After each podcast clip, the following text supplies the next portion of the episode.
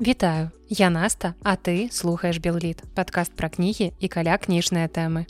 У эфіры 106 выпуск подкаста і сёння мы з вами паговорым пра кнігі, якія я чытала апошнім часам сёлета ніякіх подборак гэтым разам просто апошнія кнігі, пра якія мне захацелася вам расказаць. Але перад тым як перайсці да канкрэтных твораў, я хочу падзякаваць усім, хто падтрымлівае мой падкаст на сайце patreon.com. Ну і таксама ўсім, хто піша каментарыі, піша нейкія добрыя цёплыя словы, вы ведаеце, куды гэта можна рабіць, не буду паўтарацца ўсё вы знойдзеце ў апісанні да выпуску. Там будуць усе важныя патрэбныя карысныя спасылкі, плюс таксама спасылкі на ўсе тыя творы, пра якія я расказваю. Ну а пачынаем мы класічна з адказаў на пытанні на нейкія вашыя каментарыі і ў Google формы я атрымала такі каментарый ад Германа.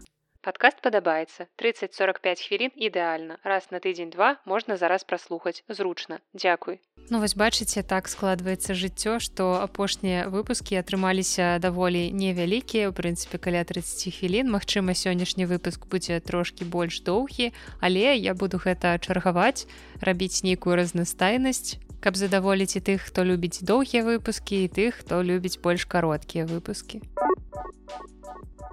таксама я атрымала такое велізарнае паведамленне ад слухачкі па імені Саша якое мяне просто неверагодна расчуліла. Я не буду зачытваць вам яго цалкам няхай гэтая прыгажосць застаецца толькі для мяне я подзялюся з вами цікавымі урыўкамі напрыклад Саша піша что дзякуючы майму подкасту згадала что чытанне мастацкай літаратуры гэта тое что яна хоча і любіць а не тое что трэба каб быць інтэлектуалкай. І гэта вельмі важная рэч тому что людзі многія ўспрымаюць чытанне як сапраўды такую нейкую звыш інтэлектуальную дзейнасць. Але хочацца нагадаць, што кнігі бываюць розныя і хтосьці чытае кнігі зусім лёгкія, якія дакладна не назавеш нейкай інтэлектуальнай дзейнасцю. Я ні ў якім выпадку не асуджаю, наадварот, мне падабаецца, што чытанне можа быць розным. Ты можаш чытаць нейкія такія танныя раманчыкі, ізноў жа выкарыстоўваючы слова танны я ні ў якім выпадку не хачу пакрыўдзіць гэтую кнігу. Або ты можаш чытаць краткую гісторыю часу стывена хокінга і адчуваць сябе неверагодным інтэлектуалам. Карацей галоўнае самае важное гэта каб вы атрымлівалі адчытанне асалоду бо інакш навошта гэта ўсё таксама мяне вельмі закранулі словы Сашы наконт таго што за некалькі месяцаў якія яна слухае гэты падкаст пачынаючы з першага выпуску яна пражыла амаль тры гады жыцця як самога падкасту так і мяне гаспадыні гэтага подкаста і гэта было захапляльны экспрэс-падарожжа ў часе.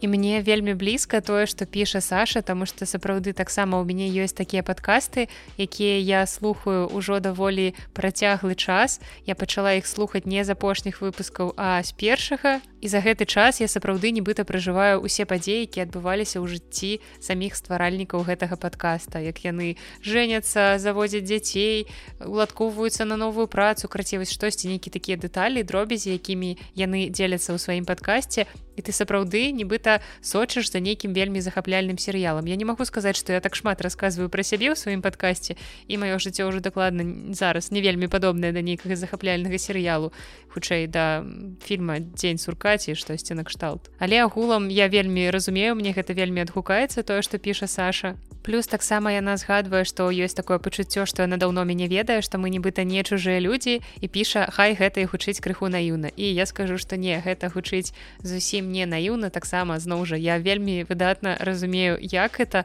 што гэта калі ты слухаеш падкаст калі ты настолькі не блізка ўспрымаеш тое што гавораць вядучыя калі вы сугучныя калі у вас нейкі магчыма нават падобны літаратурны густ калі гэта літаратурны падкаст ці калі гэта падкаст на нейкую іншую тэму калі у вас супадаюць нейкія погляды на жыццё гэта вельмі прыемна ведаць што недзе там ёсць чалавек з якімі з якім вы не знаёмыя якога вы магчыма ніколі ў жыцці не бачылі не ўбачыце але гэты чалавек блізкі вам па духу і цудоўна ведаць што нейкі такі чалавек недзе ёсць Магчыма, гэта дапамагае адчуць сябе крыху менш адзінокім. Прынамсі у мяне так з падкастамі гэта працуе.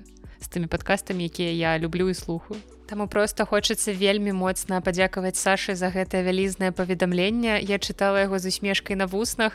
Калі я толькі яго атрымала і прачытала першы раз, я зрабіла вялізны скриншот. Добра, што телефон дазваляе гэты вялізны экран так рухаць, каб можна было зрабіць скриншот цалкам гэтага паведамлення. Я даслала яго самым блізкім сваім людзям. Магчыма, каб неяк пахваліцца, маўляў, глядзіце, пра мяне вось такое пішуць.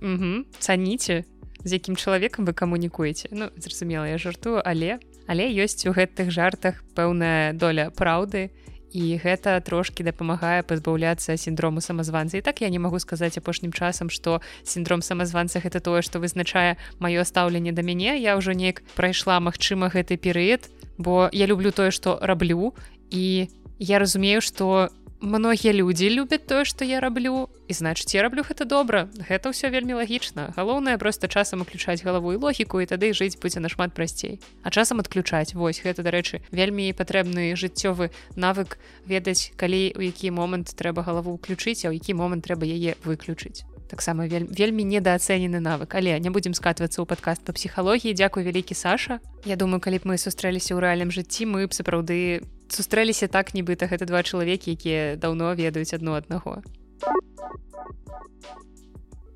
У пазамінулым выпуску я рассказывала вам пра гістарычны цыкл Леаніда Дайнекі і на гэты конт таксама атрымала некалькі каментаряў. Я прасіла параіць падобныя творы для тых, хто цікавіцца гістарычнай прозай і атрымала, напрыклад, ад віталя каментарыі з парадай кнігі кастуся Тарасава пагоня на Грунвальд. І гэтая кніга ёсць на паліцах нашай кнігарні, апошнім часам, дарэчы, яе чамусьці сталі так актыўна купляць, Так што мяркую, што мне таксама варта звярнуць на яе ўвагу і калі вы чыталі гэтую кнігу можете ў каментарях подзяліцца сваімі ўражаннямі Ну і таксама цудоўнае дапаўненне да таго выпуска даслаў слухач па імені Андрэй На жаль не ўспомнілі пра пазнейшыя гістарычныя раманы. Назаві сыны канстанцінам пра лісоўчыка злога хлопчыка той каго ўдарылі па шчацэ і лоты сын ільвадачка зеўса леаніты зінаіда. Апошнія два раманы выйшлі ў кнізе леонид дайнека. Выбраныя творы пабачыла свету выдавецтве беларуская навука ў серыі беларускі кнігазбор Ну, у тым выпуску я хацела закрануць выключна гэтую гістарычную трылогію Леаніда Дайнекі, таму я не звяртала ўвагі на іншыя яго творы, тым больш што я іх не чытала, але вялікі дзякую Андрэю за дапаўненне. Я не да ўсіх позніх твораў Дайнекі ўвогуле сама дабралася. Я чытала толькі назаві сыны Канстанцінам, але гэта было вельмі даўно, так што я перачытаю і абавязкова запішу пра гэта выпуск. Магчыма, да таго часу я яшчэ начытаю некалькі твораў беларускай гістарычнай прозы, яшчэ іншых аўтараў, таму магчыма будзе цэлы выпуск з цэлай падборкай. Таксама ў каментарях пад тым жа выпускам слухачка Вікторыя агучвае і мой страх чытала меч князя вячкі яшчэ ў класе сёмым і адзінае што памятаю дык гэта тое што была ў захапленні. По гэтаму адначасова і хочацца перачытаць і страшна што ў сталым узросце не спадабаецца. Але аўдыакніга канешне павялічвае шанец пераслухаць. У мяне таксама бывае такое што страшна ўзяцца за перачытванне кнігі якую вельмі любіў у дзяцінстве асабліва калі гэта было вельмі вельмі даўно калі ты уже зусім не памятаеш што было ў гэтай кнізе то бок нейкую сюжэтную частку. Затое ты памятаеш якія вельмі яркія эмоцыі яна табе прынесла крэсла і не хочаш іх перабіваць перачытваннем. Таму я далучаюся, што аўдыакнігі акурат тут могуць дапамагчы, асабліва калі трапіцца добры чытальнік, як у мяне, напрыклад, было з кнігай локісаў, якая ў прынцыпе мне і пасля першага чытання спадабалася, калі я чытала яе сама. Але аўдыакніга дадала пэўнай атмасферы і ўражанні ад кнігі атрымаліся яшчэ больш крутымі. Ну і самы аб'ёмны каментарый да выпуска пра раманы Леаніда Дайнекі я атрымала ад пісьменніка Стэфана Корфа. Гадоў таму ён сам выдаў містычна-гістарычную аповесць палескі дыярыю ж дывізіі серакоўскага падзеі ў творы адбываюцца ў канцы 18 стагоддзя. І гэтую кнігу я яшчэ не чытала, але маю папяровы асобнік, так што абавязкова да яе дабяруся, а каментарый Стэфан напісаў вось такі грунтоўны наконт кнігі меч князя вячкі. На жаль там вельмі шмат памылак у звычайным тагачасным быце. Нават не памылак а таго што існаваць не магло. Напрыклад меч робіць вясковы каваль з-пад майстрам які раней ніколі не працаваў у кузні. А похвы на меч робяць недзе ў полацку не маючы меч для прыклада. Рыцары крыжакі браты ордэна самі ў адных кашулях будуюць царкву яшчэ памятаю там былі ў мяне пытанні нейкія з тым як яны выкарыстоўваюць зброю і пра саму бітву моцная на падобна да сучаснасці карацей калі бяром нейкія вялікія агульныя моманты ўсё так. Але калі сыходзім ніжэй да дробязей там часам проста жах Але гэта не камень да пісьменніка. Проста ў іх час не было столькі літаратуры ды крыніц. Нельга было прагледзець умоўныя некалькі гадзін відэа на Ютубе, каб зразумець увесь, напрыклад, працэс вытворчасці зброі. Такое ж пытанне, дарэчы, і да караткевіча часамі ўзнікае. Як я браўся за галаву, калі чытаў яго думкі наконт коней і верхавой язды. Але зразумела, што сам мастацкі твор цікавы і ўсе недарэчнасці з майго погляду недарэчнасці робяць гісторыю лепш, але адпіхваюць яе далей ад гістарычнасці. І тут я далучаюся да апошніх сказаў, што як мастацкія творы гэтыя кнігі сапраўды выдатныя. І я не гісторык. Да таго ж я абсалютна не разбіраюся ў вайсковай справе. Таму для мяне ў гэтым плане касякоў у творы не было, таму што я проста іх не заўважыла. І зразумела, што калі ты шарыш у пэўнай тэме, бачыш у кнізе фактычныя памылкі, то гэта крыху псуе агульнае ўражанне. Вось як мне, калі я чытаю кнігу і бачу ў ёй арфаграфічныя памылкі. Але тут сапраўды варта памятаць, як напісаў Стэфан, што ў тыя часы, калі пісаліся гэтыя творы, было больш праблематычна атрымліваць доступ да нейкіх крыніц інфармацыі, не было гугла, ты не мог у любую секунду просто залезці штосьці там праверыць. І значыць, як мне падаецца, можна дараваць аўтару такія недакладнасці, якія, як я упэўненая, проста максімальна на 100соткаў большасць чытачоў проста не заўважыць. І проста будзе атрымліваць асалоду ад цікавага твора, як гэта рабіла я. Але дзякуючы каментарыю Стэфана мы цяпер ведаем некаторыя нюансы, так што дзякую вялікі за каментарый заўжды цікава такое чытаць. На гэтым з пытаннямі ўсё і мы пераходзім да уласна выпуску падкаста, у якім вас чакае, як вы думаеце, што? І чую адказ гэта кнігі, вядома ж, але якія кнігі. Сёння разнастайная падборачка з прачытанага мной сёлета. У пачатку года, у сярэдзіне года, у канцы, і галоўнае што аб'ядноўвае гэтыя кнігі нічога іх не аб'ядноўвае гэта проста выпадковыя цудоўныя проста добрыя нядрэнныя і так сабе кнігі якія я чытала ў апошні час тры дзіцячыя кнігі пра вайну сяброўства унікальнасць рэпартажы пра мядзведзяў і таталітарныя рэжымы а таксама адна захапляльная гісторыя з другой сусветнай вайны. І пачнём з дзіцячай літаратуры бо мне падаецца што я даўно яе не чытала ў вялікай колькасці як раней і адпаведна я стала крыху менш расказваць пра яе ў падкасці. І тут мае слухачы дарослыя снобы якія лічаць што дзіцячая літаратура толькі для дзяцей у гэтым моманце ўскакваюцца сваіх месцаў і крычаць о не толькі не гэта сноў яна са сваёй дзіцячай літаратуры але вы заўсёды можете праматаць наперад у апісанні ёсць тайм-коды. Але калі вы ўсё ж такі вырашылі застацца тут то вас чакаюць тры дзіцячыя кнігі ад амерыканскай і беларускай аўтарак. І пачнём мы з амерыканскай бо яе кнігі больш сумныя больш драматычныя і скончым беларускай бо яна поўная аптымізму мне падаецца. Амерыканская пісьменніца сара пенепакер напісала ўжо даволі шмат кніг для дзяцей. І з іх я чытала роман здесь в реальным мире про які рассказывала вам у 61 выпуску подкаста і гэта цудоўная гісторыя про тое что варта заставацца сабой і гэта гісторыя таксама яшчэ і пра моц сяброўства што трэба шукаць сваіх людзей, а не падстройваецца пад першых, што табе трапіліся. Ну і таксама я прачытала яе цыкл з дзвюх кніг, які называецца пакс. І першую кнігу цыкла я прачытала даўно яшчэ 5 гадоў таму,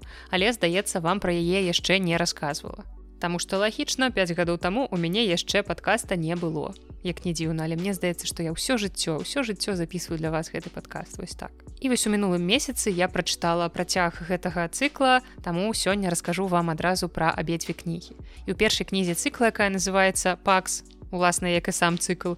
Мы знаёмімся з двума героямі гэта лісянё якое засталося сіратой і хлопчыкам пітерам які ўзяў гэтае лісянё да сябе. Яно атрымала імя пакс што ў перакладзе з лацінскай мовы значыць мір і першапачаткова хлопчык не закладваў гэта імя такі сэнс але так супала што імя стала вельмі актуальным. І толькі паспелі хлопчык ліс пасябраваць як іх разлучаюць і пітер адпраўляецца на пошукі сябра у той час як фонам пачынаецца вайна мы не ведаем што гэта за вайна. Першая сусветная другая. Тому что вайна ў кнізе гэта просто зборны вобраз любых абсурдных чалавечых ваенных дзеянняў і мне вельмі спадабалася метафора якая выкарыстоўваецца ў гэтай кнізе калі вайна метафарычна параўноўваецца з хваробай.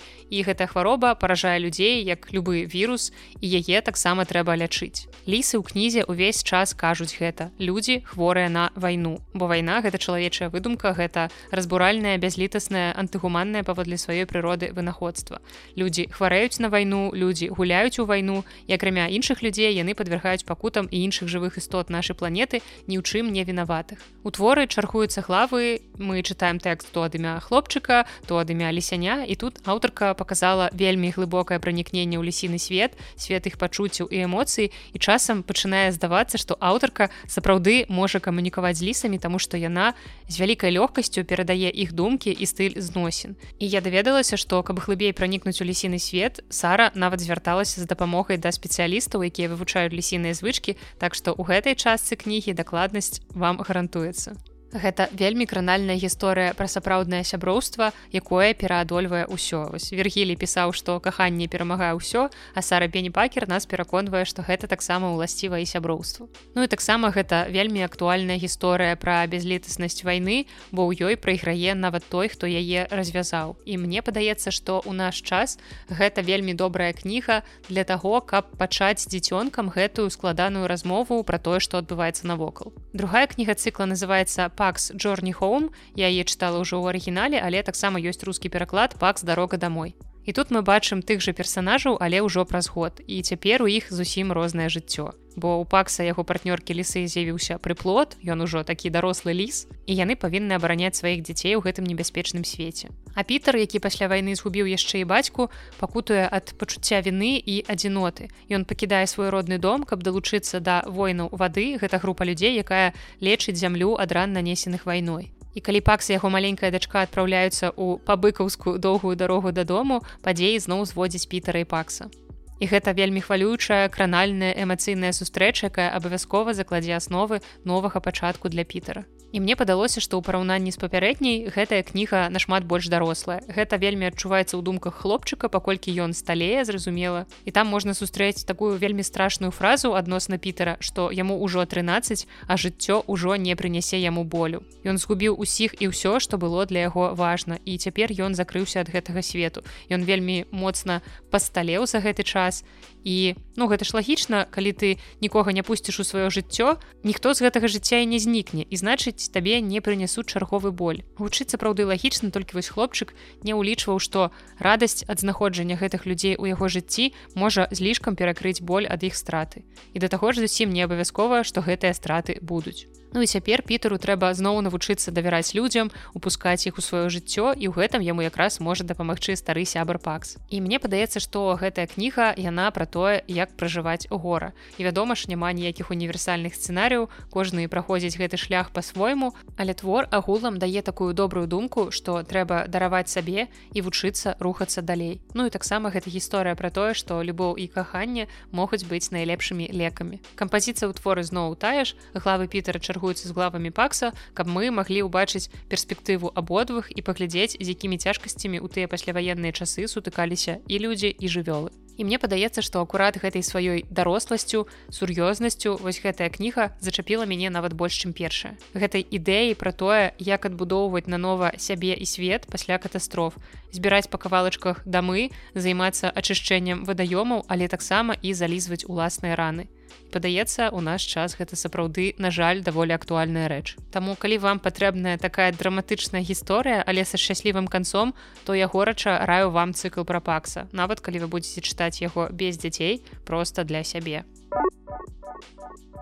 Ну і цяпер для кантрасту і разнастайнасці пагаворым пра даволі аптымістычную і прыемную дзіцячую кнігу, у якой хаця і ёсць невялічкая драма, але яна даволі хутка вырашаецца. І гэта кніга надзеі кім кразе чырвоны кракадзільчык, якая летась выйшла ў выдавестве кніжны рысь. Цудоўныя яркія ілюстрацыі да кнігі намалявала кацярына раюнец кнігу вы можете купіць у нашай кнігарні уласна як і папярэднія і галоўны герой кнігі як вы маглі здагадацца гэта кракадзільчык па імені кразі. Ён сапраўды чырвоны што відавочна выдзяляе яго сярод астатніх кракадзілаў банальна зялёных. І у прынцыпе гэта абсалютна не новы ход для дзіцячай кнігі зрабіць галоўным героем персонажа які б чымсьці выдзяляўся. Мне адразу прыгадваецца кніга дэвіда макі пра слона элмера які ў адрозненне ад астатніх шэрых слоноў быў каляровы. Яму таксама часта хацелася не быць такім яркім і заўважным я думаю што вы таксама прыгадаеце розныя творы дзе галоўны герой у нас такі нібыта аутсайдер і кразі вельмі хоча быць такім як усе нічым не выдзяляцца і што ён толькі не робіць хаваючы сваю унікальнасць. Ён фарбаваўся зялёнкай бо вельмі лагічна зялёнка зялёная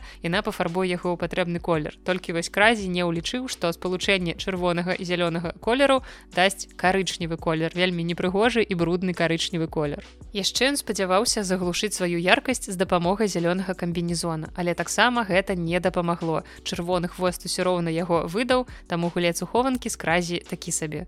А яшчэ кразі завозіць сяброў такіх жа незвычайных як і ён. Гэта своеасаблівы суісайд сквот толькі без харлі квін джокера а з чырвоным кракадзілам аднарогай газеллю орлом з дрэнным зрокам і кенгуру. А што не так з кенгуру? Ну просто для той мясцовасці такія звяры там рэдкасць. Карацей такая каманда па выратаванні свету. І спачатку яны кучкуюцца сваёй невялічкай тусоўкай але паступова ўліваюцца ў кампанію нібыта нармальных звяроў і цалкам арганічна там пачуваюцца.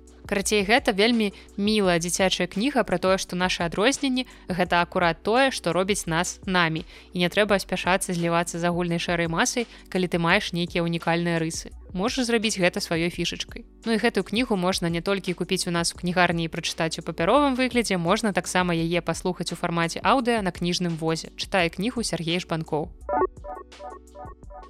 Ну і таксама сёння хачу вам расказаць пра дарослую кнігу пра нядаўна прачытаную навінку ад выдавецкай ініцыятывы вільма і гэта кніга польскага журналіста вітольда шаблоўскага якая называется танец мядзведзяў яна таксама ёсць у продажы ў нашай кнігарні. І ў арыгінале гэтая кніга выйшла ў 2014 годзе. І запомніце гэты год ён спатрэбіцца для разумення некаторых гісторый з кнігі звязаных напрыклад з украінай. На беларускую мову твор пераклала адэля дубавец спадары і спадарыні 14 чэрвеня 2007 года у балгарыі скончылася традыцыя мядзвежых танцаў пачынаецца гэтая кніга як гісторыя адной балгарскай традыцыі кніга атрымала сваю назву ад практыкі навучання мядзведзяў танцам якая была распаўсюджанай формай забаўкі ва ўсходняй еўропе у камуністычную эпоху і ўся першая частка твора прысвечана апісанню гэтай традыцыі Людзі заводзілі сабе мядзведзяў і дзякуючы гэтым мядзведзям зараблялі грошы. Гэта зразумела не надта гуманна ў дачыненні да жывёл, але тут мы не разглядаем этычны бок пытання. Нас больш цікавіць акурат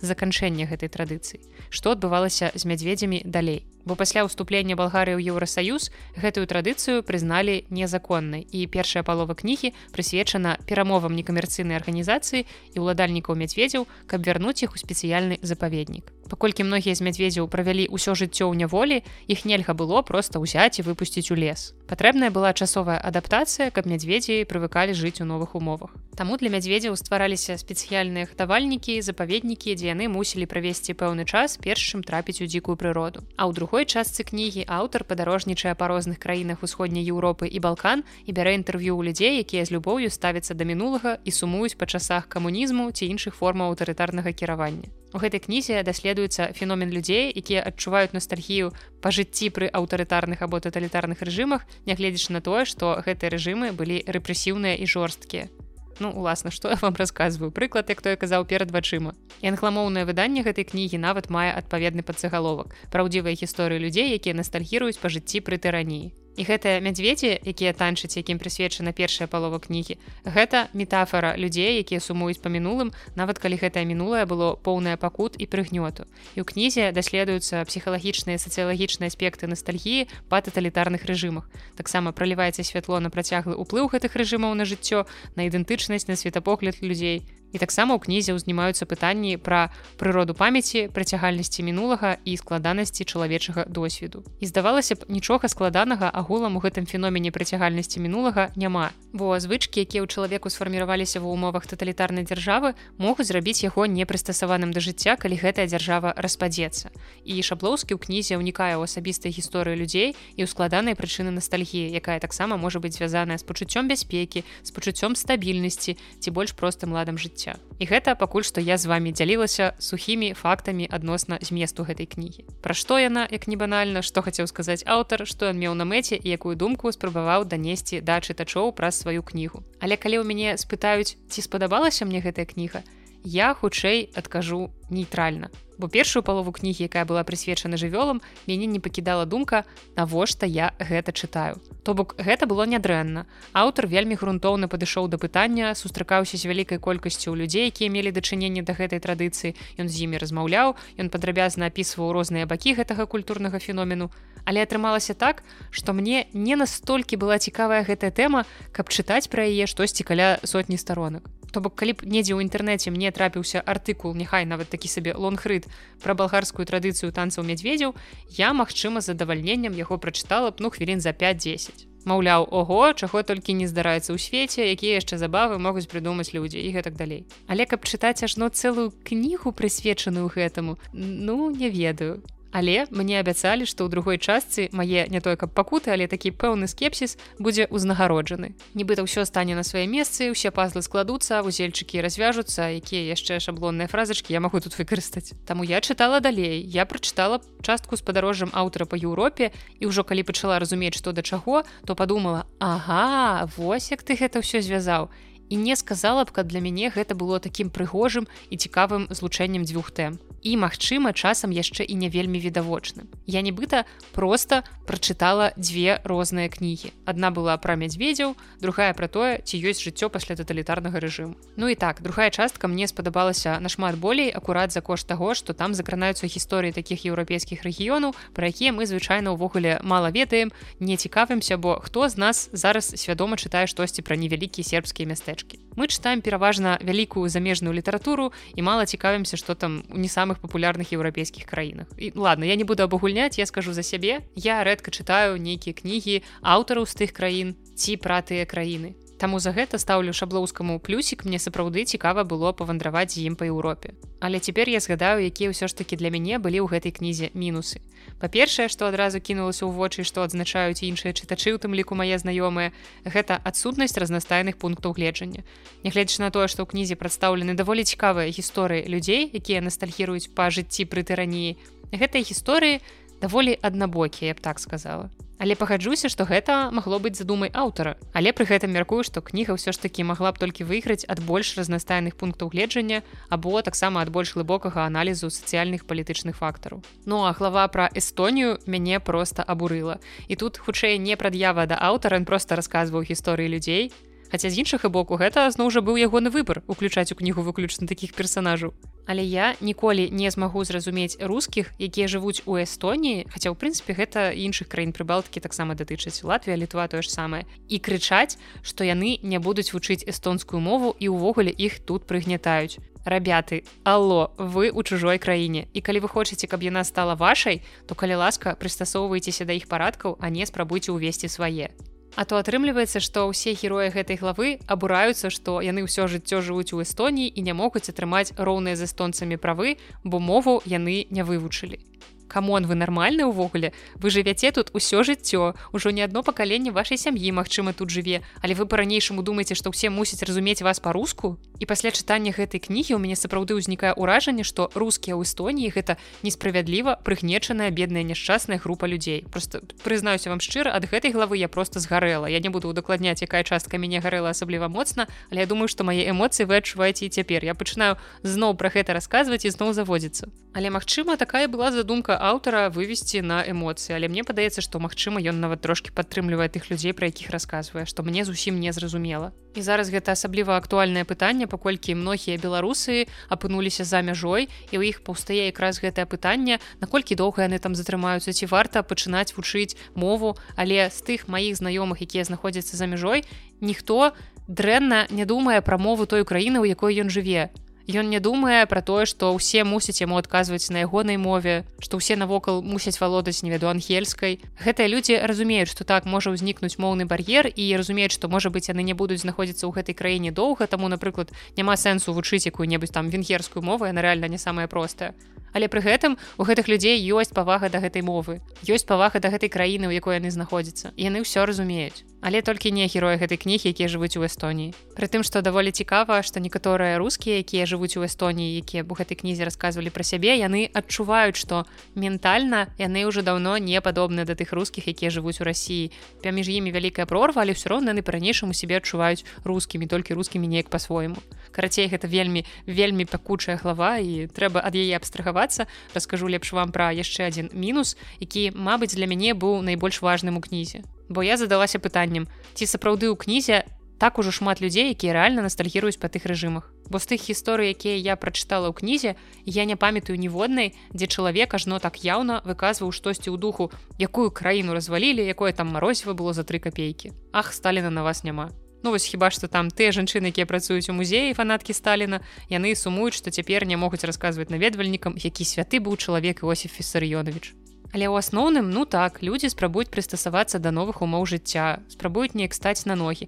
Але ў некаторых лавах яны хутчэй наракаюць на сваё цяперашняе жыццё а не сумуюць па былым. І тут ёсць вельмі важная розніца. Вось напрыклад у главе пра ўкраіну суразмоўцы аўтара не хочуць назад у савок. Яны просто не вельмі хочуць каб украіна ўступала ў еўросаюз тому что гэтыя суразмоўцы кантрабандысты. А з надыходам ес вельмі хутка накрыецца іх кантрабандная лавачка Ну і калі кніга скончылася я доўга спрабавала злучыць у галаве гэты пазл. Я разумела галавой як мусіць выглядаць агульная карціна гэтай кнігі як гэтыя часткі мусіць паміж сабой злучыцца якая там складаная гэтая метафора свабоды мядзведзяў людзей пасля таталітарных рэжымаў. Але не атрымалася. Ў маёй галаве яны не склаліся і так і засталіся просто дзвюма асобнымі часткамі. Таму Мачыма калі вы будете чытаць гэту кнігу вам пашанцуе больш. Ну а я поставила гэтай кнізе 3 з 5 гэта нармальная нейтральная адзнака кнізе якую я не магу назваць дрэннай але якая не пакінула пасля сябе такога вялікага ўражання Ну а яшчэ нягледзячы ні на што мае слухачы якія з'яўляюцца вялізнымі фанатамі рубрыкі моўная хвілінка могуць парадавацца. Могуць парадавацца што я гэтую кнігу прачытала таму што гэта тая кніга дзякуючы якой у падкасці гэтая рубрыка сёння з'яўляецца. І гэтая рубрыка будзе даволі аб'ёмная таму пачынаем. І зробім такі невялічкі уяўны інтэрактыў. Я буду чытаць вам сказ з кнігі даваць пару секунд паўзы каб вы самі маглі адшукаць памылку а потым дам правільны адказ. І вось пачынаем мы з такога сказу у рэстарацыі найперш выступалі дзяўчыны. Ну што адгадалі што тут не так? Гэта даволі распаўсюджаная памылка я вам усё раскажу і вы будетеце ўжываць гэтае слово правільна. Рэч у тым што у беларускай мове ёсць два словы.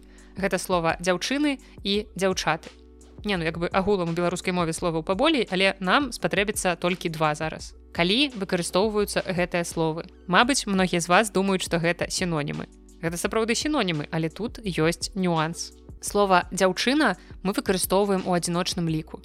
А калі ў нас лік множны то яно ператвараецца не ў слова дзяўчыны што было плагічным а ў слова дзяўчаты то бок дзяўчына дзяўчаты Але што тады дзяўчыны? Яго не існуе, што гэта за слово такое выдуманае. Насамрэч яно існуе, але толькі ўжываецца яно крыху па-іншаму. У тым жа множным ліку толькі ў спалучэнні з лічэбнікамі 234. Такім чынам, падкаст слухае прыгожая дзяўчына. Ага, гэта ты, менавіта ты, хто зараз слухае гэты падкаст. Далей падкаст слухаюць прыгожы я дзяўча ты і гэта таксама вы усе. Ну ёсць таксама прыгожыя хлопцы, але і таксама падкаст слухаюць дзве прыгожыя дзяўчыны. І калі паправіць сказ у кнізе, то будзе так. У рэстарацыі найперш выступалі дзяўчаты, бо ніякіх лічэбнікаў побач са словам дзяўчаты няма. Калі б там быў лічэбнік, то было б так у рэстарацыі найперш выступалі дзве дзяўчыны. Але без лічэбніка гэта дзяўчаты. Спадзяюся, тут усё проста запомніць элементарна. Наступная памылка звязаная з няправільным ужываннем формы дзеяслова і тут вам адразу спойлеру чым памылка а далей слухайце сказ каб здагадацца што з ім не так. Старэйшы мядзведь калі яго забраць ад маткі можа абвесціць галадоўку. Ёсць такі дзеяслоў які ў пачатковай форме гучыць так абвясціць Ён адказвае на пытанне што зрабіць. Што зрабіць абвясціць. Але таксама у форме трэцяй асобы адзіночнага ліку ён мае форму абвесціць Ён яна яно што зробіць абвесціць але абвесціць гэта не інфінітыў дзеяслова інфінітыў гучыць як я уже сказала як абвясціць пачатковая форма. Такім чынам сказ мусіць гучаць так. Старэйшы мядзведь калі яго забраць ад маткі можа што зрабіць? Абвясціць галадоўку а не абвесціць. Ну і далей таксама ў тэксце сустракаецца гэты ж дзеяслоў ізноў ужыты няправільна. Косава абвесціла незалежнасць. Вось тут ужо правільнай формай будзе абвясціла што зрабіла абвясціла калі б у мяне быў палітычны падкаст я б зараз вам сказала напишитеце калі ласка ў каментарыях як вы думаете косава гэта сербія ці не Вось. Але мы гэтага рабіць не будзем таму што у нас літаратурны падкаст я зачытваю вам наступны сказ. А сказ гучыць так. Як магчыма што вы сядзіце побач у адным аўтамабілі На першы погляд здаецца ўсё гучыць нармальна, але ёсць зноў жа такі дзеяслоў, які ў пачатковай форме гучыць як сядзець. Што рабіць сядзець. Гэта дзеяслоў другога спражэння. І калі мы яго спрагаем, то ў другой асобе множнага ліку мы атрымліваем вы седзіце. Таму цалкам сказ правільна гучыць так. Як магчыма, што вы сядзіце побач у адным аўтамабілі. Не сядзіце форма сядзіце таксама існуе але яна ўжываецца зусім у іншым выпадку. Гэта ў нас загадны лад дзеяслова. Калі вы камусьці загадваеце сядзі або сядзіце ідём далей. Як бачыце працы ў нас сапраўды шмат. Наступны сказ такі. Тут дакладней не сказ тут просто пералік аднародных членаў сказа настаўнікі мядсёстры працаўнікі порта машыністы анархісты. Цудоўная просто зноў жа моя каманда па выратаванні сусвету Але ёсць у нас такое слово медсястра, якое ў множным ліку нічога не змяняе ў першай частцы. Мед застаецца медам. То бок множны лік медсёстры, а не мяд сёстры. Тут не адбываецца яканне, якое нам прывычна ў першым складзе перад націскам. Таму пішам мед сёстры. У адно слово. Калі што раптам. Далей адна з маіх улюбёных памылак, бо за апошні час я прачытала тры запар беларускія кнігі і гэта было комба тры з трох, таму што у кожнай сустрэлася гэтая памылка. Так што я цяпер у кожным выпуску, дзе асобна буду расказваць пра гэтыя кнігі, буду згадваць гэтую памылку, каб вы ўжо дакладна запомнілі, як пішацца правільна. А цяпер слухайце наступны сказ. Што б яны не зрабілі, ні ў каго не будзе сіл пратэставаць. Ох ужо гэта ні ў каго ні ў чаго. Рэч у тым, што правільная форма гэта ні ў кога, ні ў чога. Чаму ж гэта так? Мы маем адмоўныя займеннікі ніхто і нішто, якія ў родным склоне маюць формы нікога, нічога. Менавіта з такім націскам на О і калі мы гэтыя займеннікі разбіваем прыназоўнікамі у на ад і гэтак далей то літара о з націскам захоўваецца ў другой частцы і атрымліваюцца такія формы. Ні ў кога ні ўчога ні ад кога ні ад чога і гэтак далей. Як было нікога стала ні ў кога мы просто разбілі гэтае слово прыназоўнікам. Такім чынам правільна гэты сказ гучыць так. Што б яны не зрабілі ні ў кога не будзе сіл пратэставаць Далей будзе без сказа, просто раскажу вам пра адно невялічкае слово, якое гучыць як тобак. І выкарыстоўваецца гэты злучнік у значэнні гэта значыць. І пішацца яно ў афіцыйным правапісе менавіта праз злучок, не асобна. То злучок бок. Ну і скончу тут вясёлай памылкай, слухайце такі сказ. Тут калі бахнеш піўко і сядзеш за стырно, паліцыя толькі усміхнецца. Возьмем слова піўко. Здаецца, норм слова, што з ім не так. А не так з ім тое, што нават у слоўніках гэтае слово ёсць у слоўніках, памяншальна-ласкальная форма слова піва зафіксаваная як піўцо. Так што запамінайце і калі ў наступны раз вы вырашыце сесці за стырно, пастарайцеся не бахнуць перад гэтым піўца, а не піўка. Ну а запомніць гэтае слово можна паводле аналогіі са словам слова. Даруйце мне гэтую таўталогію, як слова гэта слаўцо, так піва гэта піўцо. Ну і ў канцы не памылка тут ужо бязмоўнай хвілінкі просто раскажу вам пра тое як важна рэдактарам і карэктарам сачыць не толькі за арфаграфіяй але і за тым як адзін на адзін нанізуюцца сказы. Бо арфаграфічна ў наступным прыкладзе памылкі няма але тэхнічна ужытая трошки не тая форма слова. І сказ гучыць так. Але былі і выключэнні. Адзін з іх аддзел кубадынскага глядзіце слова выключэнне у беларускай мове яно ніякага роду. Таму адно з іх а не адзін. Але відаць у арыгінале ўжываецца польскае слово выёнтак і яно акурат мужчынскага роду. І далей там хутчэй за ўсё было еден з них ну і таму пераклад атрымаўся даслоўны. Просто вось гэта такія нюансы працы з перакладным тэкстам на якія таксама варта звяртаць увагу А цяпер вас чакае рубрика экспрэс-рэкамендацыі, у якой я падзялюся з вами фільмам, які з'яўляецца экранізацыяй кнігі. І гэта фільм, які прысвечаны жыццю вялікага чалавека. Я з'яўляюся яго вялікай фанаткай і гэты чалавек гэта Стывен Хокінг. І фільм выйшаў 2014 годзе ў Вкабрытаніі і называецца ён у арыгінале The Theory of Everything. Назву гэты фільм атрымаў акурат у гонар той тэорыі, якую хацеў вывесці Стывен Хокінг тэорыю ўсяго. Ну а зняты гэты фільм паводле мемуараў Джейн Хокінг гэта першая жонка Стывена Хокінга яны называюцца traveling to infinity my life with Steven кніжка выйшла 2007 годзе. Галоўную ролю ў гэтым фільме уласна ролю Стывена Хокінга сыграў акцёр Эддзі Рэдмейн і мне падаецца што гэта проста геніяльнае траплянне ў ролю Ён настолькі геніяльна пераўвасобіўся ўвогуле калі вы бачылі іншыя фільмы якіх здымаўся Эддзі Рэдмейн вы ведаеце што пераўвасабляцца ён умее вельмі добра. І тут гэта атрымалася сапраўды просто неверагодна шыкоўна. Таму абсалютна заканамерна што ў 2015 годзе за гэтую ролю Эддзі Рэдмейн атрымаў Оскар. Я хотел сказать нобелевскую прэмію але не. Нобелеўскай прэміі не было нават у самога стывена хокінга. І што я магу сказаць пра гэты фільм? Агулам что ад гэтага фільма ад таких падобных фільмаў якія расказваюць пра настолькі важных і значных людзей ты чакаеш чагосьці неверагоднага. Тут я не атрымала чагосьці неверагоднага гэта быў сапраўды такі даволі цікавы баёпік я паставіла фільму 7 з 10 і самае важнае што гэты фільм выклікаў у мяне эмоцыі. Але нават ну не столькі сам фільм колькі ўвогуле ўся гэтая гісторыя гісторыя самога хокінга ад трагічнасці яго лёсу калі чалавек з такім геніяльным розумам быў вымушаны змагацца з такой цяжкай хваробай якая перашкаджала але ў выніку не перашкодзіла яму зрабіць так шмат усяго ў навуцы Але разам з тым там узнікаюць такія пэўныя моманты, у якіх ты пра стывена Хокінга думаеш не вельмі прыемна. Рэч у тым, што яшчэ падчас вучобы ва універсітэце ён даведаўся пра тое, што яго прагрэсуе хвароба, ён ужо пачаў адчуваць нейкія наступствы гэтай хваробы. І ўрачы яму сказалі, што жыць яму засталося два гады. І на гэты момант ён быў закаханы ў дзяўчыну ў Джейн. Ён расказаў ёй пра гэта. Зразумела расказаў з той прычыны каб яна ну сышла ад яго каб яна нічога не чакала бо ў іх не можа быць лёсу бо яму засталося два гады.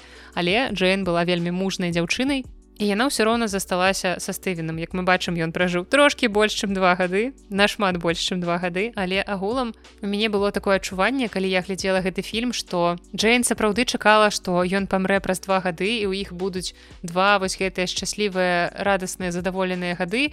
Ўсё скончыцца зразумела яна будзе перажываць але потым ну ладно такое жыццё Але калі ён працягваў жыць, калі яна, як ягоная жонка была вымушаная зусім гэтым змагацца, калі яна адна была вымушана атрымаць сям'ю, іх нарадзілася трое дзяцей, так Стывен Хокінг нават у такім стане здолеў зрабіць трох дзяцей. І ёй было даволі цяжка спраўляцца з усім гэтым адной і як бы яна яго часам абвінавачвала ў гэтым ну судзячы па фільме яна сапраўды выказвала яму там нейкія прэтэнзіі пэўныя што ёй адной цяжка я не спраўляюся. Але мне хацелася сказаць ёй камон дзяўчынка ты ведала на што ты ішла Ну магчыма не цалкам усведамляла яна не думала што ёй давядзецца з гэтым вазіцца так доўга але ну так склалася жыццё ты сама пайшла на гэта. Таму трошкі яе гэтыя прад'явы да стывена хокінга мне былі незразумелыя.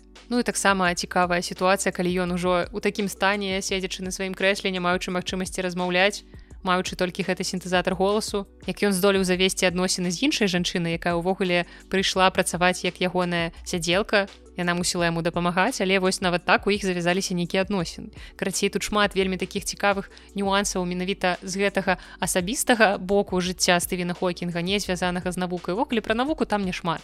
Гэты фільм шчыра прызнаемся ён больш правыць гэтыя ўсе ягоныя любоўныя шуры муры пра ягоныя адносіны з сям'ёй пра адносіны яго жонкі з мясцовым кім ён быў святаром ці не ну карцей з нейкім чуваком з царквы якім у выніку яна і стала жыць разам пасля таго як яны рассталіся са стывеном карацей шмат вось такіх нейкіх асабістых нюансаў і ў прынцыпе магчыма гэта нядрэнна каб мы маглі паглядзець на гэтага чалавека яшчэ і з гэтага боку а не толькі з боку ягонай фізічнай дзейнасці. Зразумела што там і гэта разглядаецца таксама як ён рабіў свае адкрыцці як ён пісаў свае тэксты як ён быў вымушаны працаваць якімі цяжкасцямі. Гэта ўсё ў фільме ёсць Ну але агулам усё ж такі паколькі гэты фільм зняты паводле мемуараў жонкі стывена хокінга першай ёсць такое трошачкі адчуванне нібыта гэта жанчына якая хоча нам расказаць сваю гісторыю пра тое як жа цяжка было з ім жыць Таму агулам прынцыпе фільм мне спадабаўся ён быў даволі прыгожы прыгожа зняты добра падабраны акцёры вельмі прыемна было бачыць прафесор люпіна. Я маю на увазе акцёра давіда юліса Таму калі вы цікавіцеся асобай стывена хокінга у прынцыпе гэта добрая магчымасць трошкі бліжэй паглядзець на яго але трэба трымаць у галаве што вы будетеце глядзець на яго з пункту гледжання яго жонкі. І гэта ну такі трошкі аднабокі пункт гледжання Але агулам калі вам цікава фільм 2014 года the Theory of everything рэжысёр Джеймс Марш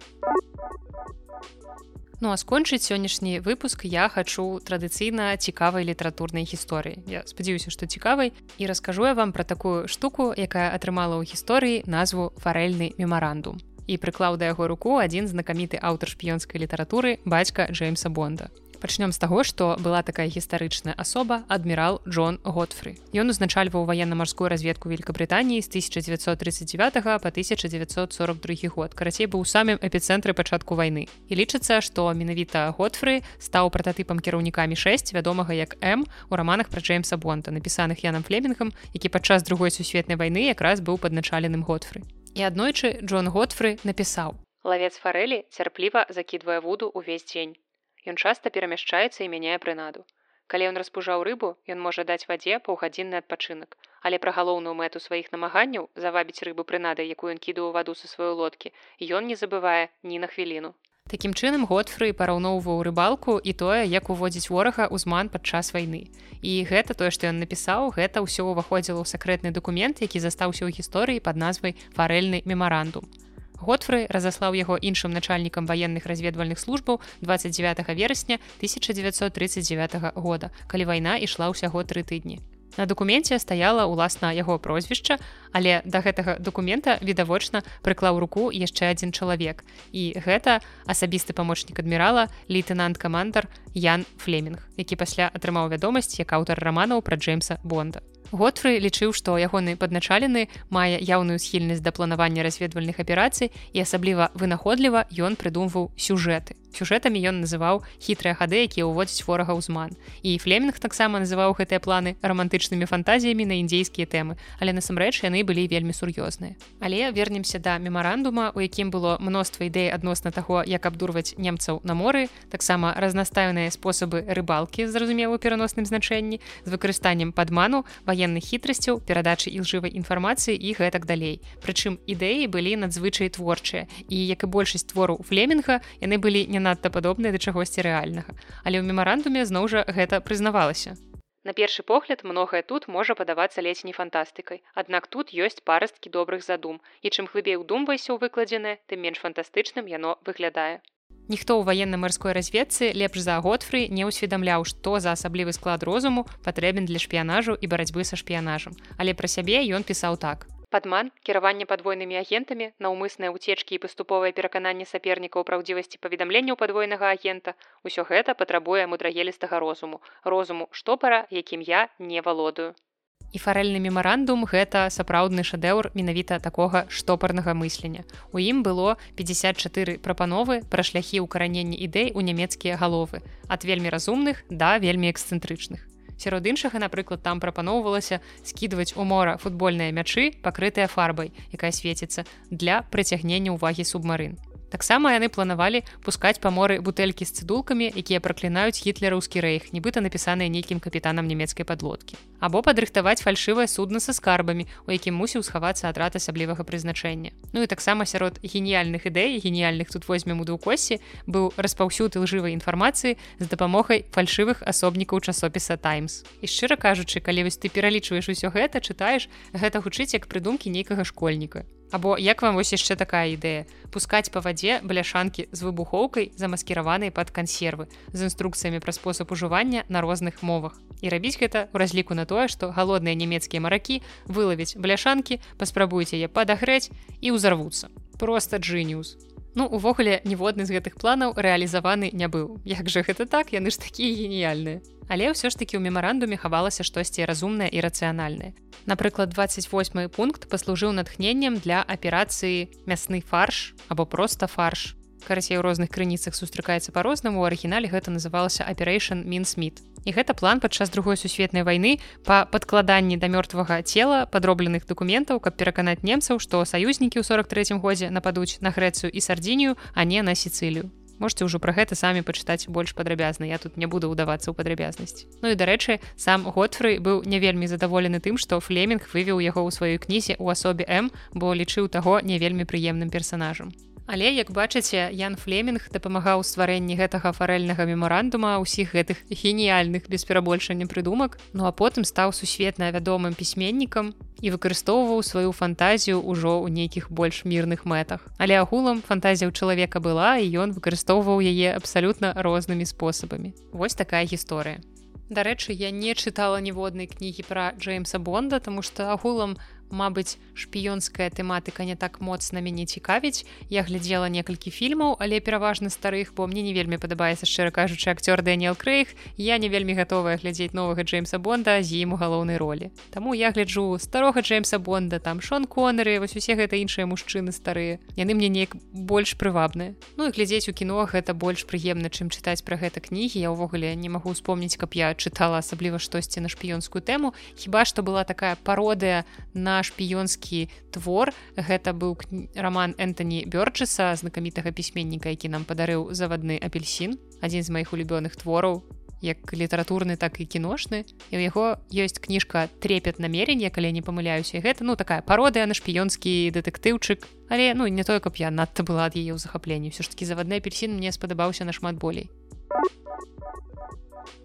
Такі атрымаўся сённяшні выпуск. Все ж таки трошки побольш за 30 хвілін але не тое каб я тут вам пра вялікую колькасць кніг паспела расказаць але спадзяюся што вам было цікава хаця па сутнасці я рабіла тое што вы любіце трошки бомбіла на кнігу хаця я не скажу што яна была дрэнная просто у мяне есть пэўныя пытанні да яе. Рассказала вам цікавую ваенную гісторыю трошки рассказала вам пра дзіцячую літаратуру якую таксама варта чытаць калі вы дарослы не забывайте про гэта. І таксама нагадаю што ў гэтым месяцы хутчэй за ўсё бліжэй да яго канца вас чакае чарговая сходка кніжнага клубу анягош у якой мы будзем абмяркоўваць кнігу зараславы камінскай по той бок я уже гэтую кнігу прачытала. Сярожа абяцаў што ў хутка дачытае. Сёння я бачыла што наста пачала чытаць гэтую кнігу. Я ўсё кантралюю я сачу за імі. Так што абяцаю што хутка мы вас парадуем чарговым нашим зборышчам. Вот таксама дарэчы добрае слово зборышча. Наста задавалася пытанням як яшчэ можна назваць слова пасяджэння мы сышліся на слове сходка але зборышча таксама нічога так гучыць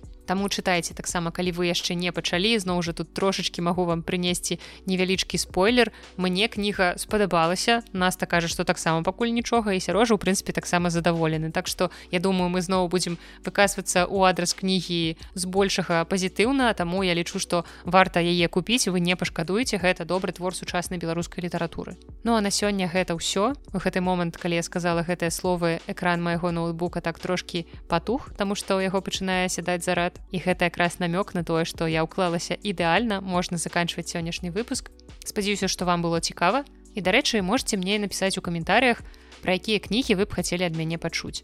Я хачу зрабіць калі-небудзь такую рубрыку, чытаю паводле вашых парадаў або раблю агляды паводле таго, што вы мне параілі. Ці вы, напрыклад, прачыталі нейкую кнігу і хочаце яе мне параіць, або вы не чыталі нейкую кнігу, але хочаце даведацца, што там ды як і хочаце, каб я гэта зрабіла за вас. Таксама пішыце, мне было б цікава, можа быць, гэта быў бы асобны выпуск, дзе я расказваю выключна пра кнігі, якія параілі мне вы. Або я буду ў кожны выпуск устаўляць таксама такую невялічкую дадатковую рубрыку, чытаю паводле парадаў слухачоў. Я думаю, што вам гэта было б цікава, мне гэта адназначна будзе цікава. Таму давайте паспрабуем, таму калі ласка пішыце. Я спадзяюся, што хаця б хтосьці адгукнецца на гэтую прапанову, але разам з тым я спадзяюся, што вас будзе няшмат, А то можа так здарыцца, што я буду чытаць толькі тыя кнігі, якія будзеце раіць мне вы. У прынцыпе, я вам давяраю, так што можна можна і так зрабіць.